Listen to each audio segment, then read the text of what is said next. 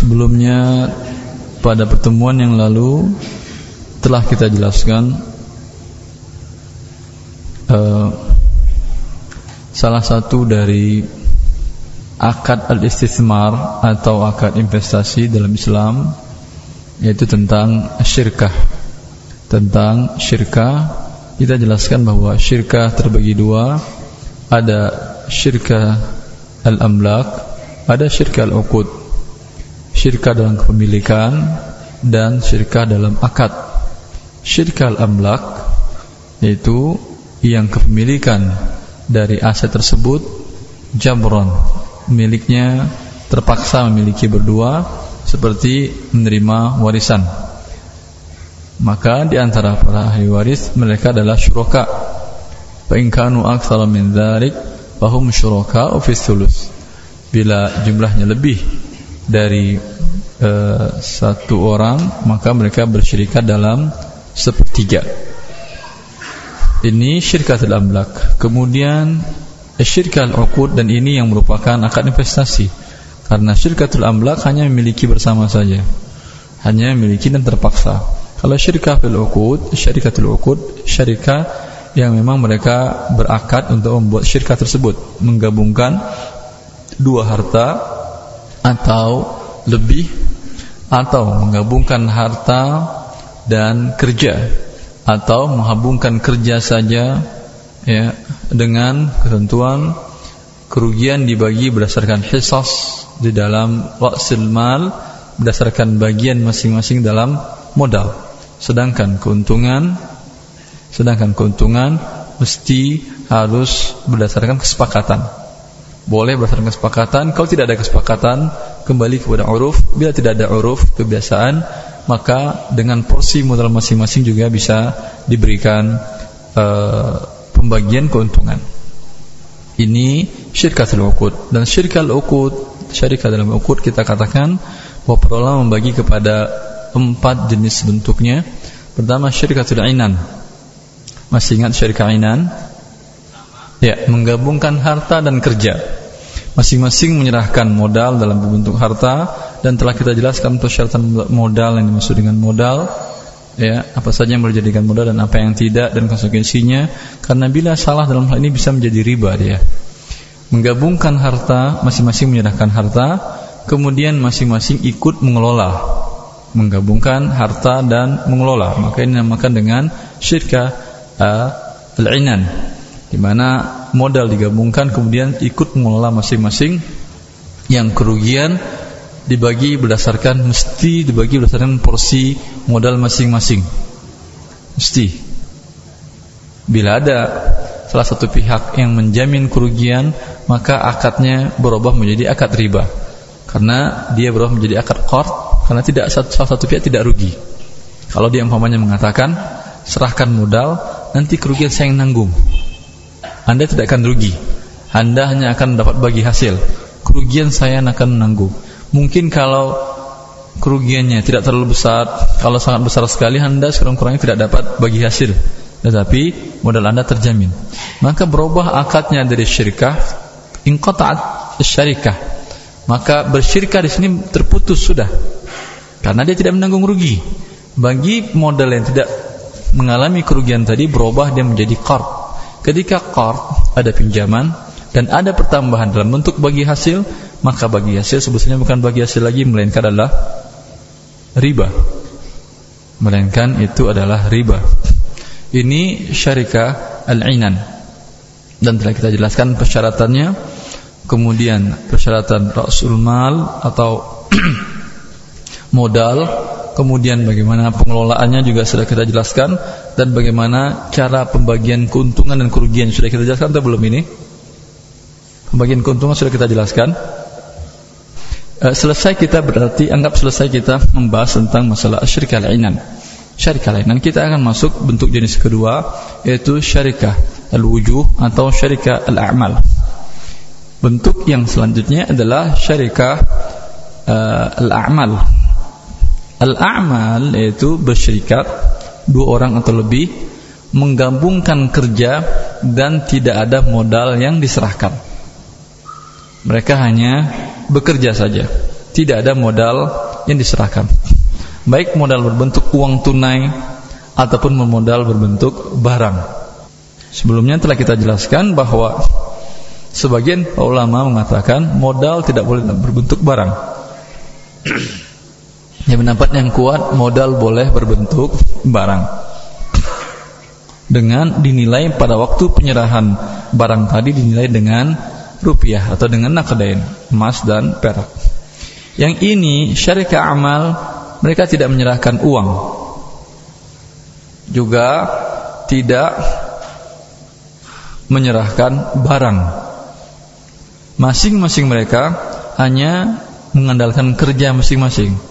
Seperti Allah Ta'ala Ini masalah legal atau tidaknya. Sebagian tempat ada sebagian jalan Anda lihat orang berdiri berdiri kan? Iya kan? Yang bisa jasa mereka Anda gunakan. Baik untuk untuk kerja berat atau kerja yang sesuai kemampuan masing-masing. Bila mereka yang 10 orang atau 5 orang ini berdiri di sini Mereka mengatakan kita bersyarikat Ya. Siapa yang dapat kerja dibagi hasilnya untuk bersama. Jelas ini. Mereka ada lima orang umpamanya. Hanya dua yang dapat kerja hari itu. Tiga enggak kerja. Ya, tetap hasil dari dua orang ini dibagi dibagi lima. Mereka harus mensepakati berapa kebagian eh, bagian masing-masing. Kalau bagian mereka sama karena tadi keahlian mereka sama, ya. Sama. Maka bagian mereka sama. Dan kerugian juga sama. Kapan apa bentuk kerugiannya? Bila umpamanya mereka bekerja dan terjadi kerugian akibat kesalahan dalam be bekerja. Tidak sesuai dengan rancang gambar yang diinginkan umpamanya terjadi kesalahan, maka mereka menanggung kerugian berdasarkan porsi masing-masing modal mereka. Modal mereka apa tadi? Jasa. Anda yang umpamanya kalau sama ya, sama-sama tukang batu umpamanya mereka bersepakat, maka mereka keuntungan bagi rata, kerugian pun dibagi rata. Andai beda kalau tukang konstruksi bangunan biasanya apa yang mahal? Masang masang keramik kali mahal kali upahnya ya?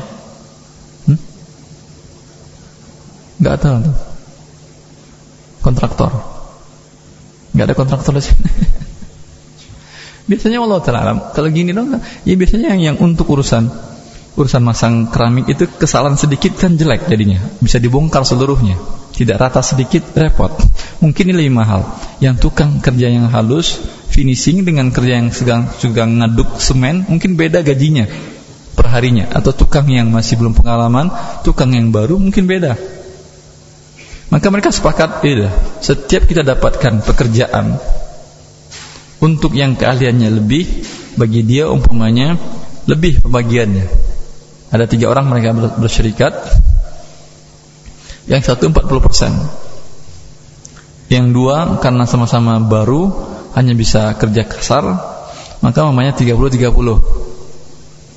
yang dapat kerja hari ini tukang kerja kasar tukang kerja halus ini nggak dapat kerja. Maka tetap dibagi pendapatan mereka dibagi 40 30 30 begitu juga anda tukang yang yang kerjanya yang sudah pengalaman ini dapat kerja yang dua nggak dapat kerjaan tetap mereka dia bagi keuntungannya hasil kerjanya itu dibagi 40 30 30 kerugian juga begitu. Andai kesalahan tukang yang kasar pekerjaannya ya sehingga semen adukannya menjadi tidak bagus umpamanya sehingga dikenakan kerugian maka tetap menanggung kerugian 40 30 30 jelas? Berdasarkan keahliannya tadi anda yang yang membuat kesalahan pekerjaan adalah yang bagiannya 40% tetap yang ini juga menanggung 30 30 yang dia menanggung 40%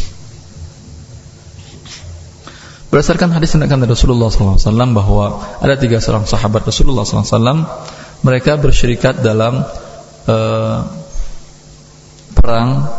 Dari rampasan perang mereka bersyirikat. Tiga orang sahabat Rasulullah, dua tidak dapat tawanan, saat mendapat dua tawanan. Lalu saat membaginya rata dengan mereka berdua, mereka bagi tiga dengan cara yang rata.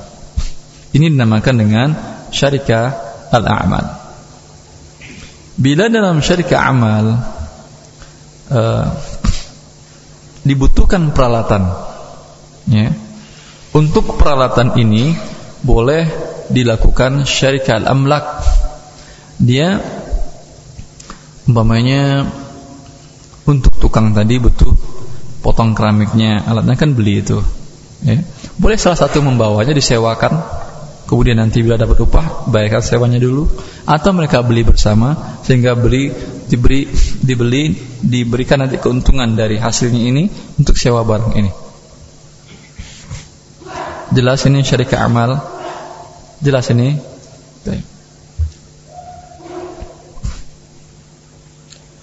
Kemudian kita lanjutkan dengan syarikat al-zimam awil wujuh Syarikat amal tadi modalnya apa tadi? Jasa. Modalnya jasa. Kemudian keuntungannya bagaimana? Keuntungan bisa merasa sepakati lebih kurangnya sesuai dengan keahlian. Kerugian bagaimana? Kerugian sesuai juga dengan keuntungannya. Untuk syarikat amal, kerugiannya sama dengan keuntungannya. Karena modal mereka adalah jasa. Maka jasa mereka tadi dinilai. Porsi jasa ini dari keseluruhan berapa? Ya. Maka dinilai dengan pada sepakati dari awal. Untuk keuntungan boleh mereka sepakati lebih. Boleh sesuai dengan nilai jasa masing-masing. Faham yang saya maksud dengan nilai jasa kan anda yang umpamanya ada tiga orang membuat uh, apa uh, konsultan konsultan konsultan atau membuat uh, bimbingan belajar. Ada yang satu S1, tamatan S1, ada yang satu tamatan S2, ada yang tamatan S3. Mereka nilai porsinya berapa nilai S3 ini? Atau kalau untuk konsultan tadi, berapa yang porsi S3 berapa porsinya? Yang S2 berapa porsinya? Untuk S1 berapa porsinya? Jelas? Nanti masalah keuntungan boleh berdasarkan ini, boleh tidak. Artinya yang yang S3 tadi mengatakan ya udah, siap kita bagi rata saja keuntungan. Yang S2-nya juga mau, ya udah bagi rata keuntungan. Tetapi kerugian tidak. Kerugian tidak bisa dibagi rata, harus sesuai dengan porsi jasa masing-masing nilainya. Paham ini? Paham? Karena modal mereka adalah jasa. Maka kembali kepada syarikat secara umum bahwa al-khasair biqadri hisasi ru'usil amwal. Kerugian harus sama dengan porsi modal. Sedangkan mereka di sini tidak menyerahkan modal dalam berbentuk uang atau barang. Modal mereka mereka serahkan apa? Jasa mereka. Maka kerugian sebesar jasa masing-masing. Porsi jasa masing-masing. Keuntungan boleh berdasarkan kesepakatan.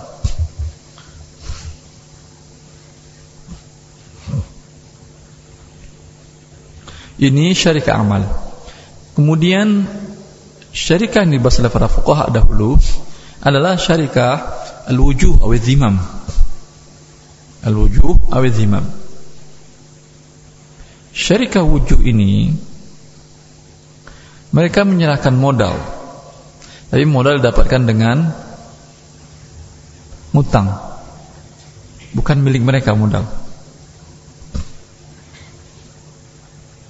si A mendapatkan barang dengan berhutang kepada produsen Si B juga mendapatkan barang dengan berhutang kepada produsen. Si C juga demikian. Lalu mereka gabungkan ini, azimah mereka. Kemudian mereka sepakati porsi porsi modal masing-masing. Kemudian mereka sepakati keuntungannya. Jelas ini. Ini dinamakan dengan apa? Syarikah al-wujuh atau syarikah al uh, ad-dhimam. Kemudian mereka akan masing-masing mereka bertanggung jawab untuk membayar hutang masing-masing berdasarkan porsi modal yang mereka bawa masing-masing. Bentuk realnya andai apa toko material mau dibuka, toko material Anda buka toko material umpamanya. Anda bisa mendapatkan pas A bisa mendapatkan pasir dengan cara ngutang sekian kubik. Anggap mamanya berapa kubik? 100 kubik, 100 kubik. Si B bisa mendapatkan semen dengan cara ngutang sebanyak 100 sak. Si C bisa mendapatkan bata, batu bata dengan cara ngutang dari produsen sebanyak berapa? 100 ribu bata umpamanya. Ini mereka kumpulkan, mereka bersyirikat untuk menjual dijual barang, ya, keuntungan dibagi rata dan kerugian ditanggung dan dan masing-masing keuntungan membayar sebelum dibagi keuntungan membayar porsi utang masing-masing. Anda umpamanya yang pasir tadi berapa kubik pasir 100 kubik. 100 kubik berapa nilainya? Repot kalau Kira-kira berapa? 100 kubik pasir. Cepat ya cepat. 50 juta. 50, 50. Saya kasih diskon 50 juta. 50 juta pasir 100 kubik. Untuk uh, semen 100 sak berapa 100? 6 juta. 6 juta. Bata 100 ribu bata berapa? 12 juta. Anggap 12 juta. 12 juta bata, 6 juta uh, semen, kemudian 60 juta 60 juta pasir perbandingannya berapa berarti ini porsinya masing-masing tentukan. Umpamanya andai 60 dengan 6 berarti 10 kan? Yang punya semen 10% modalnya dia. Kemudian yang punya uh, bata 12 juta berarti kali duanya berarti 20% 70% 70% yang punya pasir. Allah Ta'ala itu hitung-hitungan saya betul tidak nanti jangan dipermasalahkan. Tapi intinya maksud saya begitu. Jadi disepakati dahulu Disepakati dahulu berapa porsi modal masing-masing Berarti porsi modal anda 70% yang punya pasir Porsi modal anda yang punya bata 10% Porsi modal anda yang punya semen Eh Semen ya, semen berapa persen? 10% Bata 20% Terjual semua pasir habis bisa yang punya pasir udah, itu urusan kalian, saya untung sudah. Bisa. Tidak. Inqat inqata'atis syarikah. Ketika dia melakukan itu berarti dia berkhianat terhadap syarikah. Ini tidak boleh dilakukan, berdosa dia melakukan ini. Walaupun pasir dia habis laku.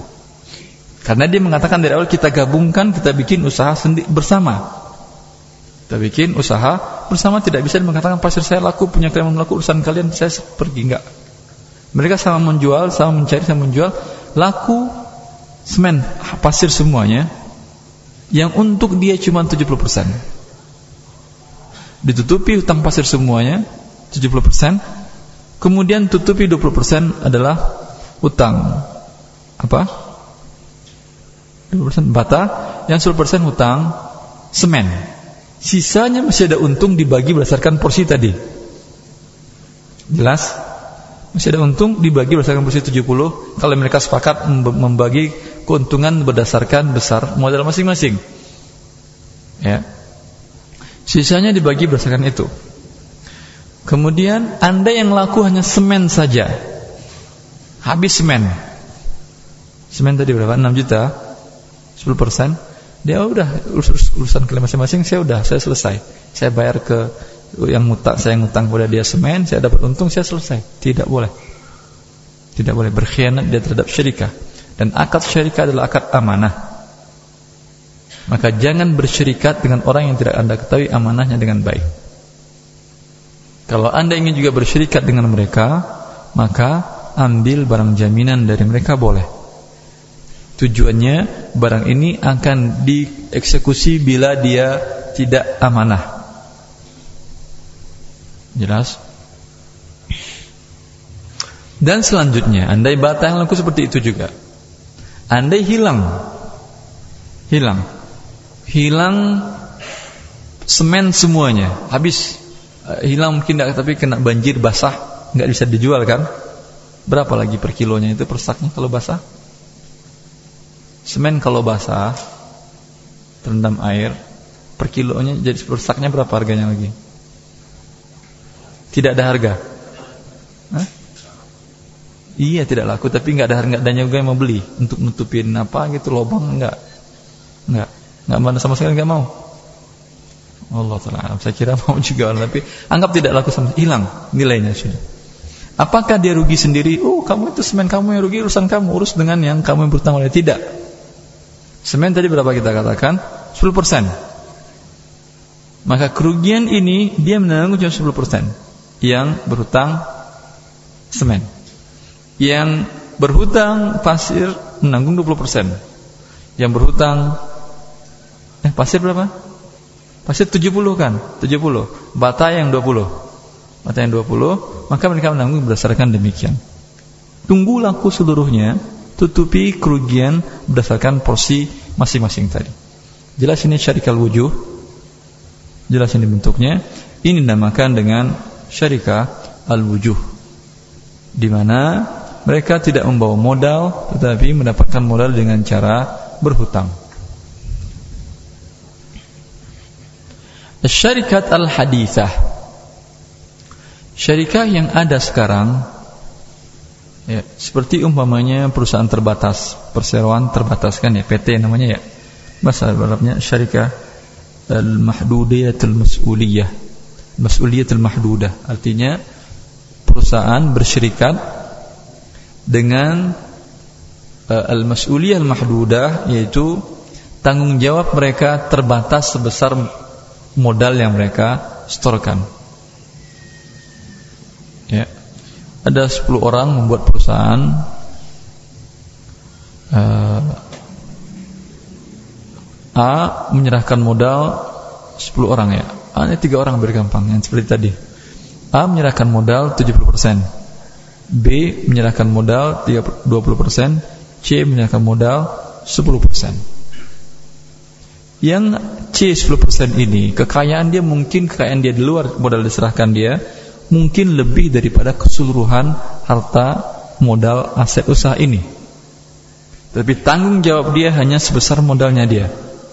Artinya kalau perusahaan ini berhutang, bangkrut, memiliki tanggung jawab ke pihak yang lain, kewajiban ke pihak yang lain, dia hanya menanggung 10% sebesar modalnya itu. Artinya selesai sudah. Kalau habis usahanya perusahaan walaupun dia kaya raya, tidak akan diminta pertanggungjawaban kepada hartanya yang lain. Ini kan persoalan terbatas? Iya kan? Bolehkah ini atau tidak? Di mana hutangnya hanya sebatas tanggung jawab modal dia dalam usaha tadi. Ya, ini termasuk permasalahan yang muasirah dalam permasalahan syirikah. Dijelaskan oleh para ulama dan ini yang dijelaskan oleh Aifi Bila dia menjelaskan dan harusnya dia menjelaskan kepada setiap pihak yang dia bertransaksi dengan pihak tersebut dengan cara tidak tunai seperti membeli barang tidak tunai atau membeli jasa dengan tidak tunai harus dia sampaikan kepada mereka bahwa asetnya sekian modal mereka sekian sehingga kalau mereka tetap mau menjual dengan tidak tunai. Artinya umumnya modal mereka sekitar 500 juta. Tapi mereka beli barang dengan tidak tunai 1 miliar. Ya, wajib dia beritahukan kepada pihak yang dia berhutang kepadanya bahwa modal kami sebetulnya hanya sekian. Artinya, kalau ketika dia ketika pihak yang berikan hutang tadi memberikan barang dengan tidak tunai tadi, suatu saat perusahaan ini bangkrut ya maka mereka siap terima apa dan tidak bisa dituntut kepada hartanya yang lain. Maka hukum asalnya adalah boleh. Berdasarkan hadis Rasulullah SAW al muslimuna ala syurutihim. Bahwa orang muslim itu sesuai dengan persyaratannya. Dia sudah mempersyaratkan bahwa saya membeli barang dengan Anda dengan tidak tunai. Bila terjadi kerugian pada perusahaan kami yang bisa Anda ambil, yang Anda uh, apa namanya eksekusi yang bisa Anda sita hanya sebanyak modal kami. Walaupun saya mempunyai harta 10 kali dari modal ini Anda tidak bisa berhak mengambilnya. Jelas ini? Ini dibolehkan berdasarkan hukum asal muamalah adalah boleh dan tidak ada larangan di sini dengan syarat dia memberitahukan kepada setiap pihak yang dia bertransaksi dengan cara tidak tunai. Ini persyaratan terbatas yang umumnya hukum asalnya adalah boleh. Dan telah kita jelaskan sebelumnya, bolehkah kita membuat perusahaan para pendirinya ini ada di antara muslim? Sudah pernah kita jelaskan? Belum? Boleh atau tidak bila A, B dan C salah seorang di antara mereka ada non muslim pendirinya dan mereka menyerahkan modal masing-masing kemudian nanti sama-sama mengelola usaha ini. Ada yang non muslim, boleh atau tidak kita bersyirikat dengan mereka? Boleh. Hukum asalnya boleh. Hukum asalnya boleh. Ya.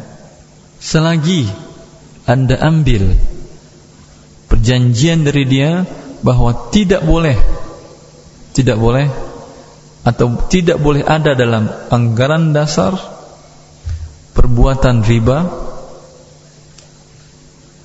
baik dengan penambahan modal dengan cara riba atau menyimpan kelebihan dana dalam cara bentuk riba. Bila salah seorang baik muslim maupun muslim melakukan ini, Anda katakan tidak boleh. Terkadang Anda bersyirikat dengan dengan muslim juga, dia melakukan riba juga. Bisakah Anda mengatakan kepada mengatakan ber, berdalih bahwa itu kan teman syirkah saya yang melakukan riba, teman mitra syirkah saya, saya enggak. Tidak. Karena akad syirkah, karena akad syirkah adalah akad wakalah di mana Anda mewakilkan kepada dia untuk mengelola harta Anda sebagaimana dia mewakilkan juga kepada Anda untuk mengelola harta dia. Faham ini? Tiga orang. Satu modal 70%, satu 20%, satu 10%. Yang modal 10% ini, dia bukan mengelola modal 10% dia saja. Dia mengelola modal 10% tambah 20% tambah 70%. Berarti pemilik modal 70 dan 20 mewakilkan kepada dia untuk kelola. Yang modal 70%, dia bukan mula modal dia saja. Dia mula modal modal dia 70, 30, 20 dan 10. Maka yang 10 dan 20 ini mewakilkan kepada 70 kelola. Artinya mereka sama-sama mengelola, sama saling mewakilkan. Bila di antara mereka ada yang melakukan riba, berarti otomatis Anda mewakilkan kepada dia untuk melakukan riba. Bukan dia saja yang berdosa, Anda juga berdosa. Maka berhati-hati bila Anda membuat syirkah, membuat suatu usaha kerjasama dengan penyertaan modal menyerahkan modal musyarakah seperti ini perhatikan. Buat perjanjian dari awal kita sama-sama muslim. Atau anda di antara non muslim anda non muslim syariat kami mengatakan kami tidak boleh melakukan ini ini ini ini. Tidak boleh menambah modal dengan cara riba juga tidak boleh menyimpan dana dalam bentuk riba kalau anda uh, setuju dengan persyaratan ini kita kerjasama kalau tidak tidak jelas kalau Anda merasa tidak nyaman, khawatir karena dia tidak mengetahui, dia memang ya udah saya setuju. Tapi karena dia walaupun terkadang muslim tidak mengerti mana yang riba dan yang tidak riba. Sehingga boleh Anda mengatakan tidak boleh Anda mengambil kebijakan bentuk apa pun kecuali bermusyawarah dengan kami dahulu atau tunjuk minta bantuan konsultan dari salah seorang yang mengerti syar'i atau Anda bisa belajar syariat sehingga bisa selamat dari riba. Karena permasalahan riba seperti yang kita katakan bukan hanya pinjam 10 bayar 11 bukan, banyak bentuk riba. Penambahan dalam bentuk obligasi ya dengan menjual surat hutang jual surat nanti setelah sekian waktu 3 bulan atau 4 bulan akan diberikan kupon ya. Maka ini berbentuk uh, riba juga. Atau menerbitkan saham istimewa. Karena anda bertiga adalah pendiri kalau ada orang lain ingin masuk dalam usaha bisnis ini mereka mendapatkan saham biasa sedangkan anda bertiga adalah memiliki saham istimewa. Keistimewaannya bila dalam bentuk. Pembagian likuidasi. Mereka mendapatkan hak dulu. Setelah penuh hak mereka terbayar baru diberikan hak lain. Ini jadi riba. Jelas ini? Pernah kita bahas dalam dalam harta haram muamalah kontemporer kan? Bila dibuat dikeluarkan diterbitkan saham istimewa. Pendiri ini yang tiga orang tadi 70, 20 dan 10 tadi mengatakan kami memiliki saham istimewa. Artinya bila terjadi likuidasi yaitu semua aset dijual, kami berhak mendapatkan hak kami bertiga di awal sebelum untuk pemilik saham biasa yang lain. Maka hak seperti ini riba, berarti modal dia terjamin ada terjadi kerugian ya mereka modal mereka bertiga ini satu miliar. Tapi ada lagi ikut yang lain harganya modalnya 500 juta. Ada A B D E F G dan selanjutnya ya. Karena mereka ingin mengembangkan usaha mereka tarik lagi pendiri yang lain tapi uh, pemodal yang lain. Tapi dengan syarat seperti tadi dia hanya saham biasa saja. Dibagi haknya dia setelah ditutupi tiga hak pendiri ini. Maka ini tidak boleh.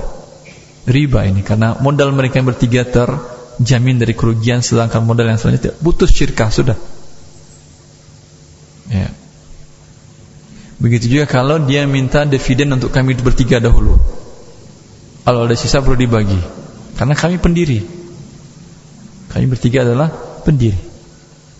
Anda hanya ikut belakangan. Tidak boleh. Walaupun dia ikut belakangan walaupun dia ikut usaha anda sedang tinggi sedang naik puncaknya sedang sedang keuntungan besar dan ada kekurangan dana dan minta tambahan dana dan yang lain dan menjadi keikut sertaan dalam usaha tersebut ya.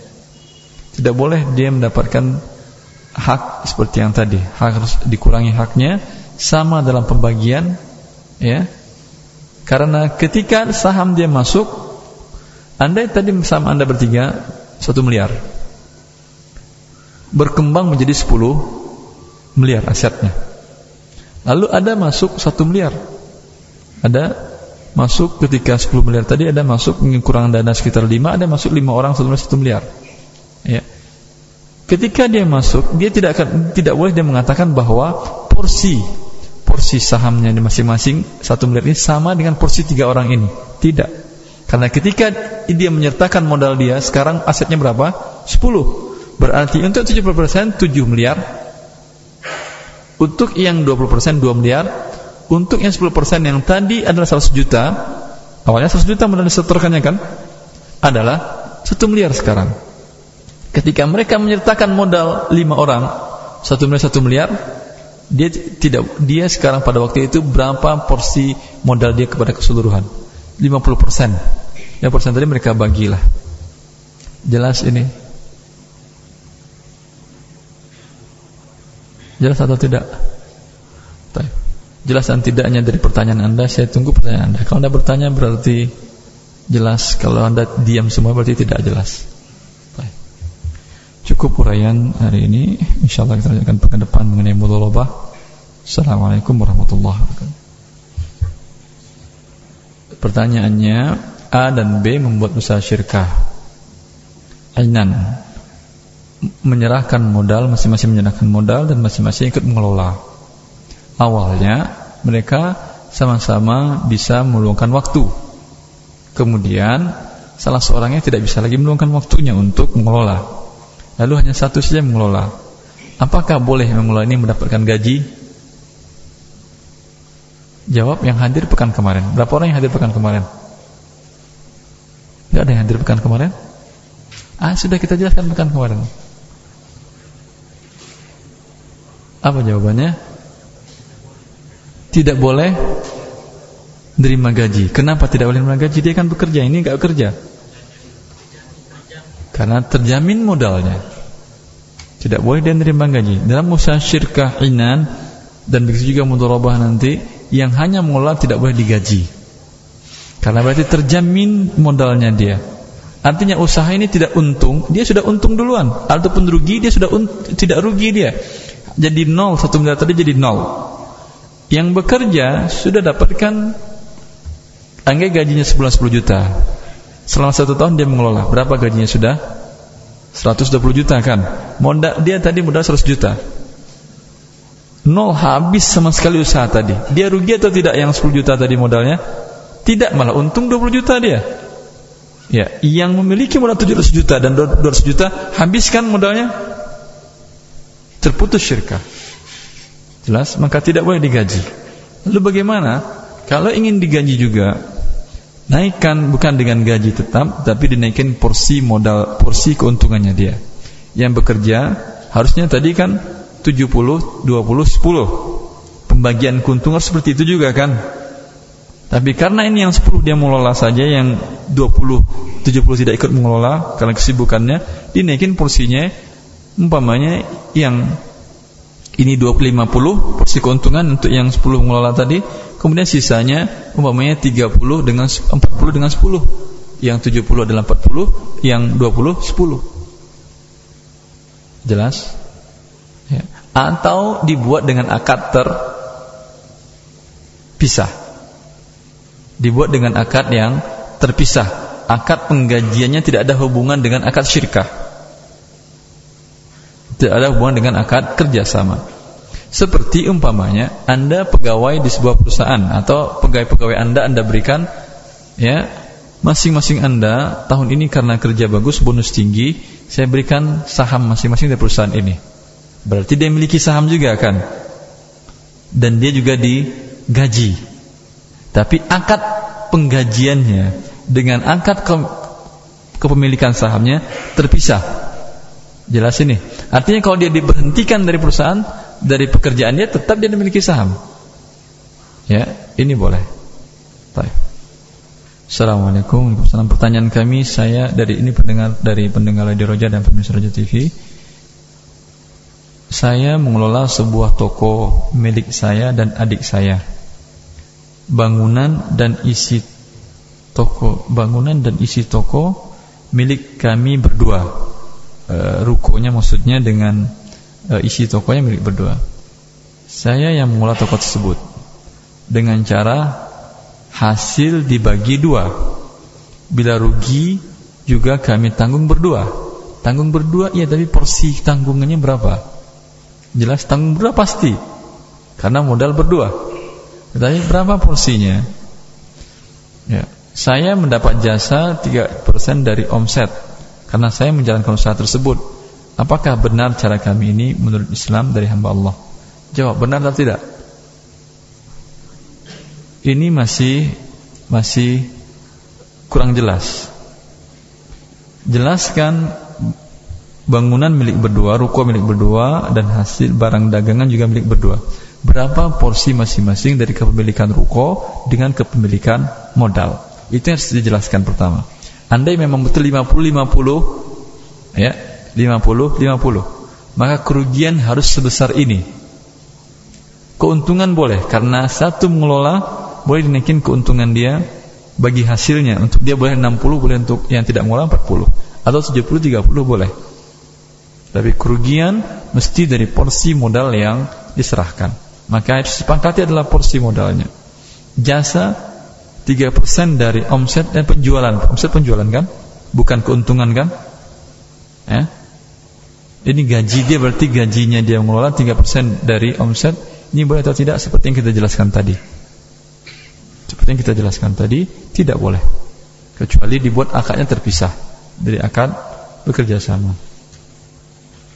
Dan selanjutnya, Ustaz, saya selalu diberikan amanah oleh keluarga di kampung untuk membelikan barang jualan. Kemudian mengirimkan ke kampung dan saya selalu menaikkan harganya. Apakah boleh Ustaz? Tidak boleh. Saya ulangi. Ustaz, saya selalu diberikan amanah oleh keluarga di kampung untuk membelikan barang jualan. Kemudian mengirimkan ke kampung dan saya selalu menaikkan harganya. Apakah boleh Ustaz? Tidak boleh. Paham? Karena akarnya amanah, wakalah. Kalau wakalah tidak boleh dinaikkan harganya oleh dia kecuali dia mengatakan saya tidak terima amanah kalian. Tapi kalau kalian mau beli dari saya. Ya. Saya janjikan untuk menjual setelah saya temukan barangnya saya jual dengan Anda. Itu boleh Anda jual terserah Anda. Anda hitunglah biaya biaya harga modal dengan operasional. Ditambah dengan margin atau laba. Tapi amanah tolong belikan. Kalau tolong belikan tadi Anda tidak diserahkan uang tunai, berarti Anda memberikan memberikan hutang kepada mereka kan yang di kampung. Kalau Anda minta fee tidak boleh karena menggabungkan antara akad pinjaman dengan akad ijarah fee. Dan Rasulullah melarang naha Nabi SAW yahillu salafun Tidak boleh menggabungkan akad pinjaman dengan akad jual beli dan ijarah termasuk jual beli. Dan ini pintu riba. Riba bukan sedikit babnya, panjang riba itu ya. Jelas ini. Anda mengatakan kepada tolong antum ke kampung kan ya belikan pakai uang sendiri dulu. Bila dia kalau tidak minta fee dia boleh. Tapi kalau dia minta fee, mana uang saya jasa saya membelikan? Jadi tidak boleh karena dia memberikan hutang kan? Dia memberikan pinjaman kan? Karena saya tolong pakai uang Anda dulu kan pinjaman. Kalau dia jujur, walaupun dia jujur tidak boleh karena menggabungkan akad pinjaman dengan akad ijarah. Dan ini pintu riba. Saya kira cukup sampai di sini dulu. Insyaallah bukan depan kita lanjutkan. Subhanakallah wa bihamdika asyhadu an la ilaha illa anta Assalamualaikum warahmatullahi wabarakatuh.